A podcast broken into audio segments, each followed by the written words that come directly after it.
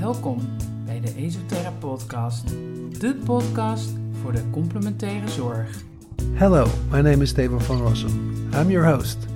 And since the interview with Robert Slijp is in English, I also do this introduction in English. Because Alyssa Harder from Sweden, originally from IO, promised she would listen to it. And maybe many more people will listen to it. Maybe this is going to be my international breakthrough. No, it's not about me. It's not about Slijp. He's a very humble guy.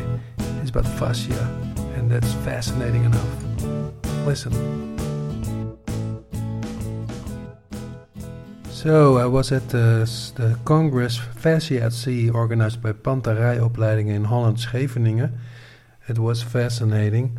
Two days, only people, highly acclaimed people, professionals, uh, professors, talking about um, yeah, fascia and, and especially the the, the, the scientific developments. Um, yeah, the last 20, 20 years, uh, everybody's uh, uh, diving into the field of fascia, and yeah, it's fascinating what comes out. Uh, of course, Robert Schleip was one of the first and uh, yeah, foremost, he still is. And at this Congress, he was introduced uh, as the godfather of fascia. Now, that's quite a, quite a title, eh? Uh, I got a chance to interview him at the end of day one. Um, I was a little tired, and when we left, I had so many more questions I wanted to ask him, but uh, maybe I was even a little nervous. Huh? I mean, how many times do you get to interview the godfather of anything? Uh, I only know the godfather of soul, and now I know the godfather of fascia. But he's a very nice guy, and uh, yeah, it's also interesting that he's uh, coming from the field of uh, manual therapist and and and and yeah, turn into uh, a research researcher. Completely different field, but uh, yeah, that makes him interesting. So uh, for for so now he can combine those two factors, and well, he's going to tell also that the reason he's he's becoming uh, became a, a, scientist is that he wanted to know more about it and he wanted to know more scientific about what he was doing as a manual therapist. Um, well, so having said that, um, here's Robert Schleip, and uh, yeah, maybe I get the chance to interview him again. He's uh, very nice, very approachable, and humble. Uh, interesting or uh, important for him and uh, we had a nice talk. So uh, if we have some more questions, we'll have part two, because he's he's flying everywhere, going everywhere, spreading the the gospel of fascia. Uh, another episode, I'm going to interview Jaap van der Wal. That was a little longer, and I already know Jaap, uh, but that interview is only in Dutch. So, but I think I'll see him again too, because I I love that guy. He's so fascinating. So I'm going to uh, go to one of his uh, one of his uh, seminars uh, later on this year and have some more talks. And maybe we can do this interview in English. I don't know if there's any people out there international who are interested in my in my podcast. Without further ado, here is the godfather of fascia, Dr. Robert Schleip. And because this interview is live, taken live in Scheveningen, at the Kurhaus, Holland, you hear the people in the background all talking about fascia.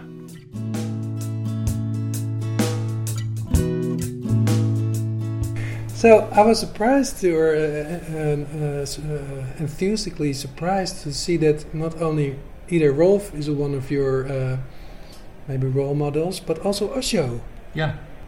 Ida Rolf is, I'm like a big fan of Ida Rolf, but they also mm-hmm well, the the way uh, the the start of my path to massage therapy is yeah. through Osho.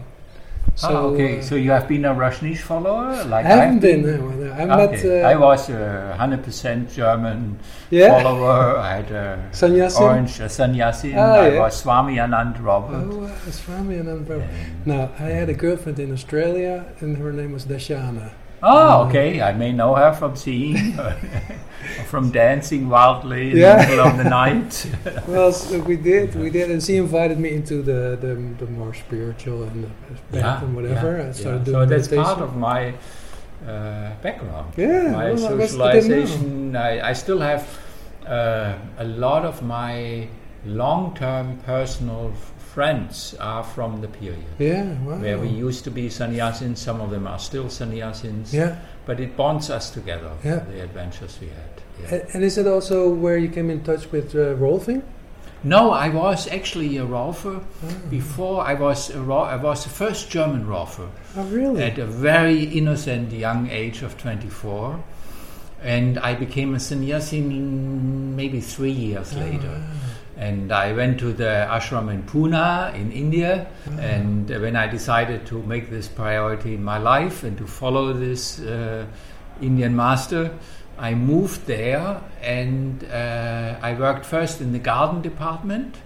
And then they found out that, the, that I'm a Rolfer and they made me part of the uh, rebalancing team. Oh, really? And there was already a, another Rolfer uh, who Osho uh, Rajneesh had appointed to work uh, for the therapy department. And Osho was fond of Rolfing. Then uh, the Rolf Institute uh, registered the service mark Rolfing also in India. Okay. And they couldn't call it Rolfing anymore unless it was practiced under this uh, uh, in by a certified rough. And then Osho, our Indian master, said, "You decide on a new name." And it was not me; it was uh, Anubuddha who suggested rebalancing.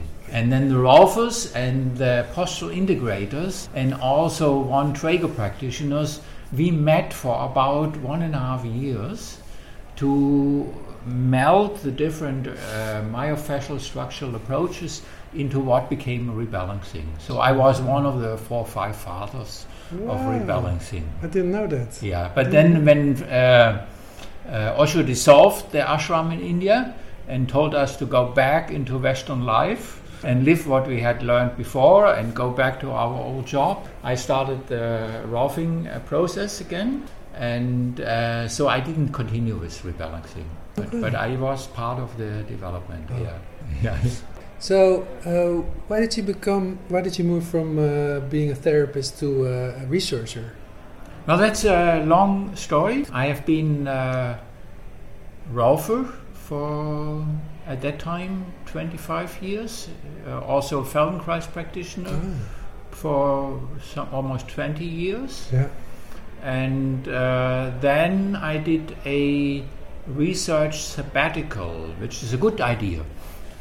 Uh, the Waldorf teachers do that every seven years Oh, yeah. where they say you stop your professional routine for half a year or one year and you do a spiritual quest or you do a hike uh, through the Alps, you focus on a hobby, and then you come back refreshed and start Mm. your professional life again. It's Yeah. called a uh, doing a sabbatical. Sabbatical.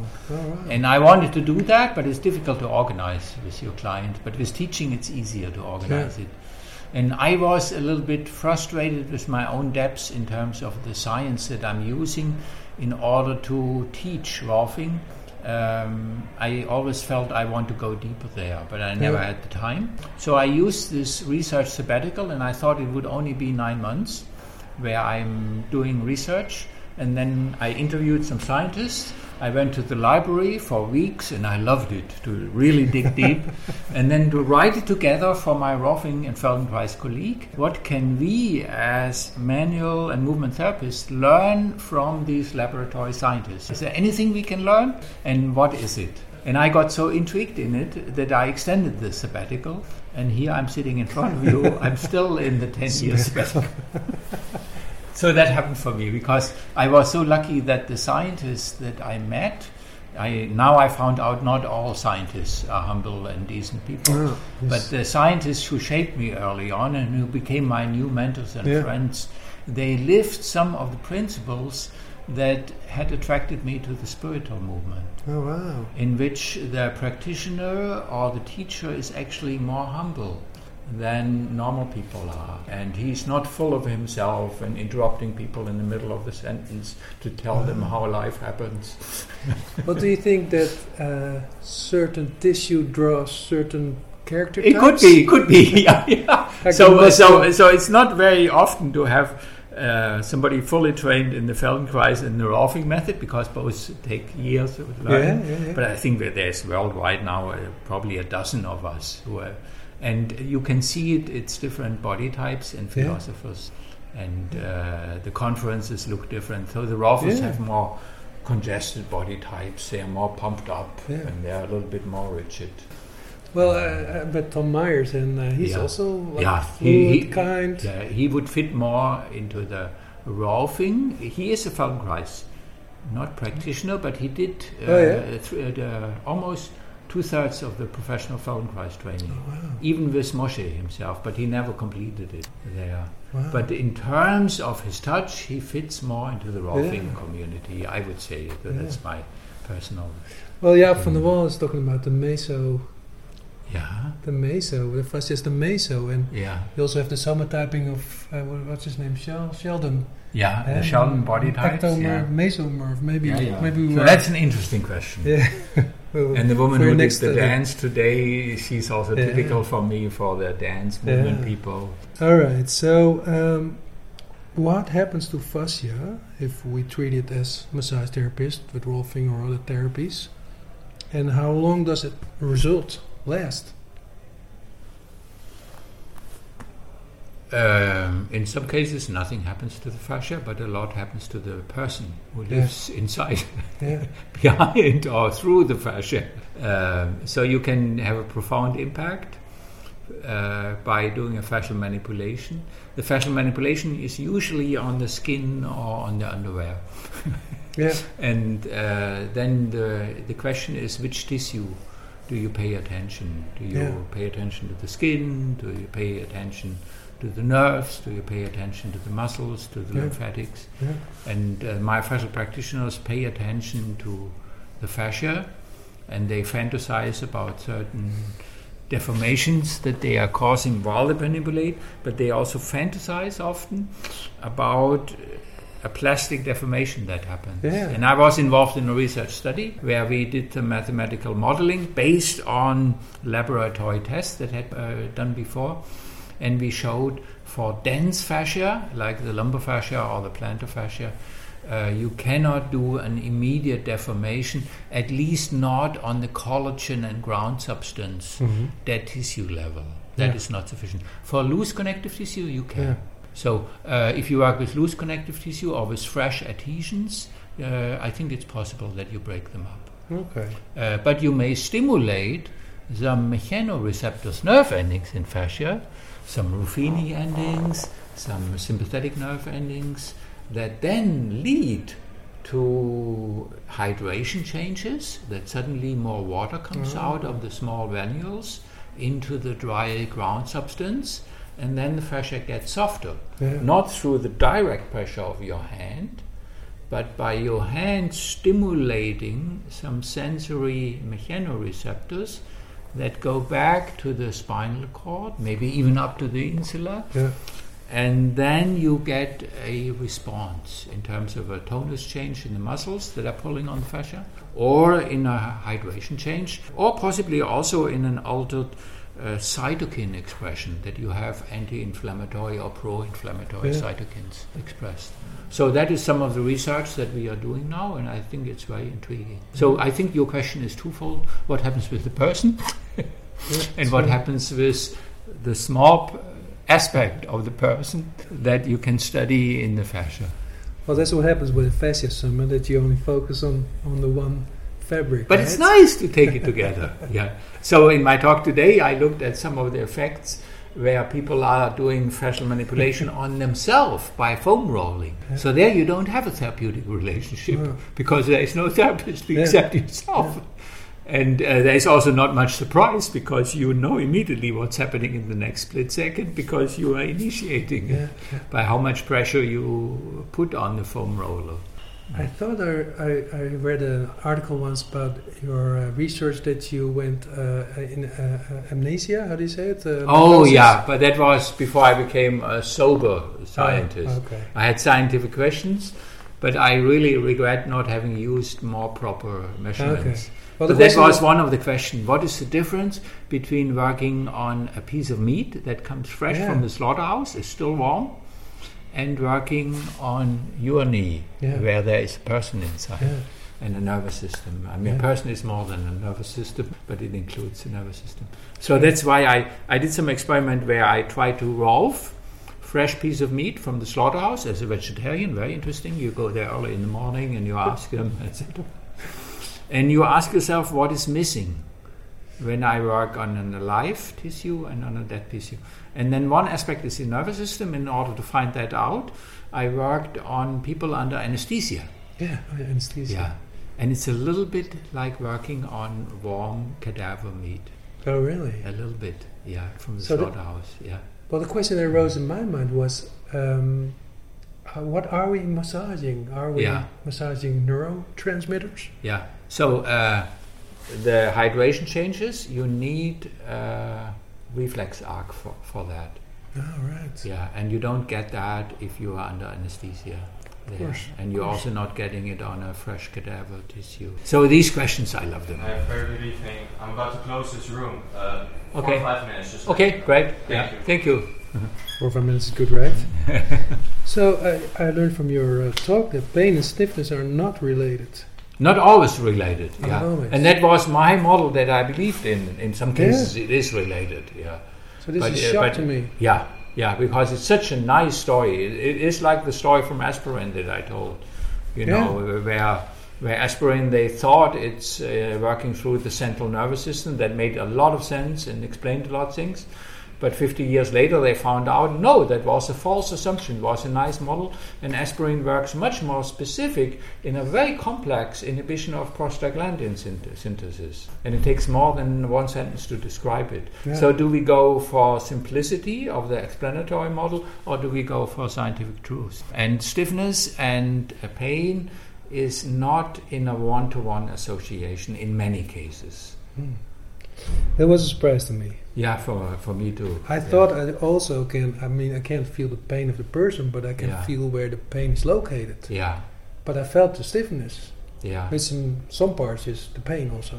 yeah. But it doesn't But, always. but if you, the question is, do you really measure stiffness, or maybe you measure something else with your hands? Because stiffness is how much resistance or how much pressure it takes to indent the tissue one millimeter further. So if I push into the wood, it is stiffer than if I push here into the couch. Mhm, And we have instruments to measure the stiffness of a couch and of Okay. a foam roller and of wood and of steel. Okay. So probably what you are measuring with your hand is not only proper stiffness. It is shearing resistance, it is hydration, Mhm. elasticity, how does the tissue bounce back when you let go. So we have now instruments to uh, do stiffness measurements, Yeah. not with a human hand, but with uh, simulation of Yeah. a human hand. Well, that that makes uh, yeah, makes it possible to measure it, yeah. to do proper research. Well, thank you very much. Thank for the you very much. Thank yeah, very it's much. a very intriguing field. Yeah, I have a thousand more questions, but Yeah. uh, another time. N- another time.